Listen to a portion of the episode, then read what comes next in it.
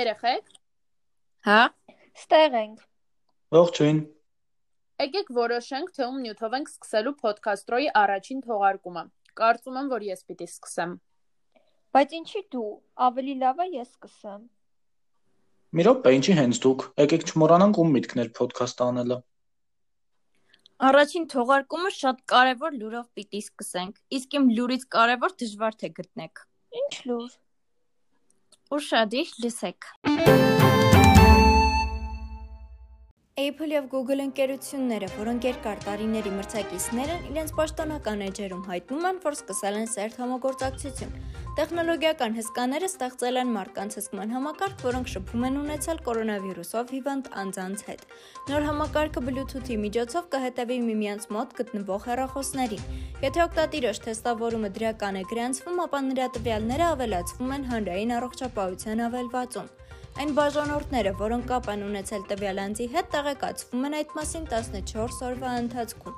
Համակարգը կգործի iOS եւ Android օպերացիոն համակարգերում մայիսից։ Սակայն մի շարք տարբեր խմբերի ներկայացուցիչների կարծիքով մարդկանց տեղաշարժի հսկումը եւ տվյալների հրապարակայնացումը մտահոգիչ հեռանկար է։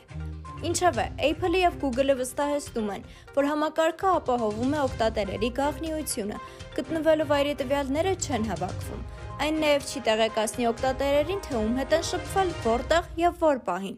Ընկերությունները նշալ են նաև, որ իրենք նույնպես չեն կարող տեսնել այդ տվյալները իսկ անհրաժեշտության դեպքում ամբողջ համակարգը կարող է փակվել։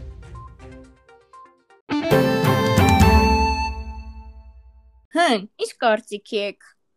Ոնց, այսինքն մեզ հետևելու են։ Ես էլ հեռախոսս կանջատեմ, չեմ թողնի հետևեն։ Վայ, երեխեք, այդ հլը մի կողմ։ Մենք որ ծրագրով ենք դասերն անում։ Zoom։ Դե լսեք ինչեր եմ իմացել Zoom-ի մասին։ Արտակարգ դրության պայմաններում մարդկանց ֆիզիկական շփումը գրեթե բացառվում է, հասցվելով նվազագույն աստիճանի։ Այն վարակի կանխարգելման ու տարածման միջոցներից թերևս ամենակարևորն է։ Համացանցի զարգացվածությունը նպաստում է շփման այլընտրանքային տեսակների առաջացմանն ու կիրառմանը։ Բազմաթիվ շփման հարթակներ, որոնք բնականon ապրելակերպի պայմաններում մոռացության էին մատնված, արտակարգ դրության ժամանակ կարող են ամենակենսականը լինել։ Այդպիսի հարթակ է Zoom-ը, որը կորոնավիրուսի պատճառով արտակարգ դրություն հայտարարած երկրներում դարձել է գլխավոր հաղորդակցման միջոցը։ Zoom-ի կազմակերպության արժողությունը հասել է շուրջ 29 միլիարդ դոլարի, որն ավելին է, քան ամերիկյան ցանկացած ավիաընկերության արժեք։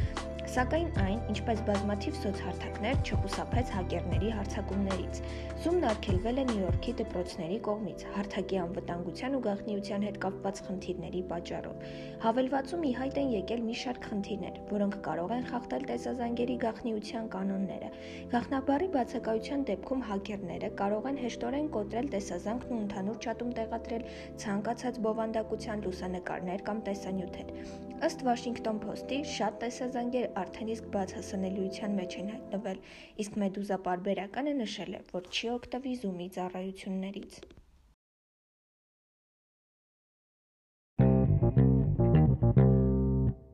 Այսինքն առցանց դասերին էլ չմիանանք։ Այդ մի կողմ, ես տնից չեմ կարողանում դուրս գամ, բակում ոստիկաններ կան։ Ադե լավ է էլի գյուղում ապրելը։ Ինչո՞վ է լավ։ Դե պատմեմ լսեք։ Մմ, ես ինչ լավ էի քնել։ Այ, դասս։ Սաղորը զում, զում, ոնց էի մոռացել։ Գիշերը մաֆիա խաղալն ու քնելն էլ էսա էլի։ Ինկեր Մարտիրոսյան, ճիշտն ասած կապի խնդիր կար, չէի կարողանում միանալ։ Կներեք էլի։ Դասի կեսից միացա ես ու սկսեցի արդարանալ։ Սովորաբար այսպես էլ սկսվում է կուրսի մեծամասնության on-line ուսանողական կյանքը։ Անկողնու մեջ պարկած, մերիկից սուրճ խնդրելով, մեկ-մեկ էլ կեսից նորից քնելով։ Կուրսընկերներից է շատերն էլ երբ հավես չի ունենում դասին ներկա լինելու, կամ ինտերնետն է անջատվում, կամ հիվանդ պարկած են լինում։ Բախտս բերել է մինչև կարանտին հայտարարելը եկել էի մեր գյուղ ու հիմա եմ հասկանում, որ եթե Երևանում մնայի, հաստատ կգժվեի։ Այս դրա համար էի ասում, որ գյուղում շատ լավ է։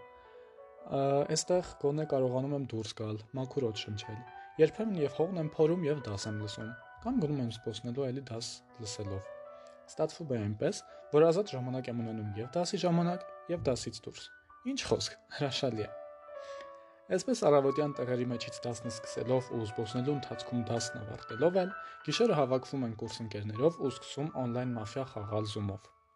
Հետաքրքիրն այն է, որ համասարանում եղած ժամանակ նույնիսկ չէինք էլ մտածում միասին ինչ-որ խաղ խաղալու մասին, կամ երևի ժամանակ չէինք ունենում։ Իսկ հիմա մինչև գիշերվա 1000-ը մնում եւ խաղում ենք մեր քնի հաշվին։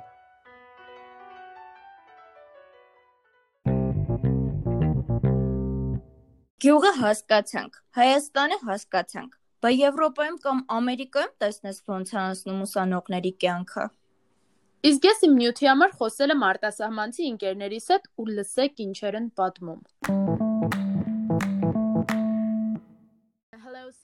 Ողջույն Սիրա, շնորհակալ եմ հարցազրույցի հրավերն ընդունելու համար։ Ասա խնդրեմ, որտեղ ես ապրում եւ որտեղ սովորում։ Ողջույն։ Ես ապրում եմ Բարսելոնայի մարզի Վիլյաֆրանկա դել Պանադես փոքրիկ քաղաքում։ Սովորում եմ Բարսելոնայի ինքնավար համալսարանում։ Ինչ կասես տնից սովորելու մասին։ Քո համալսարանը նման փորձ նախկինում ունեցել է, թե սա առաջին դեպքն է։ Ոչ, իմ համալսարանը նախկինում նման փորձ չի ունեցել։ Իմ դասախոսների մի մասը Կատալոնիայի on-line համալսարանի դասախոսներ են, բայց ընդհանուր առմամբ իմ համալսարանը պատրաստ չէր այս իրավիճակին։ Ինչպես է քո համալսարանը հաղթահարում դա։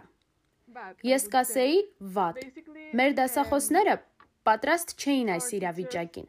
Երբ հայտարարվեց արտակարգ դրություն, հաջորդ օրը նրանք մեզ շատ հանձնարարություններ ուղարկեցին։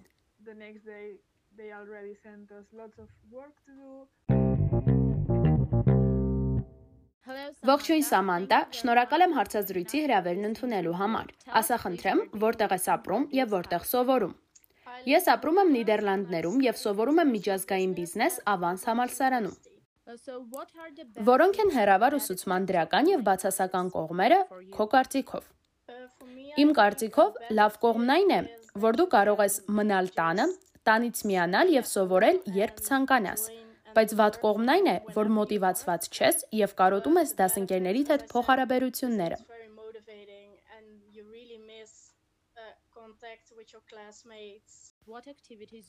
Ինչ ես անում կարանտինի ժամանակ։ Սովորաբար ամբողջ օրը անցկացնում էի համալսարանում, հետո սպորտով էի զբաղվում կամ ընկերներիս հետ ինչ-որ տեղ գնում։ Իսկ այժմ տանն եմ։ Երբեմն դաս ունենք, երբեմն էլ չունենք։ Հիմնականում շատ բան չենք անում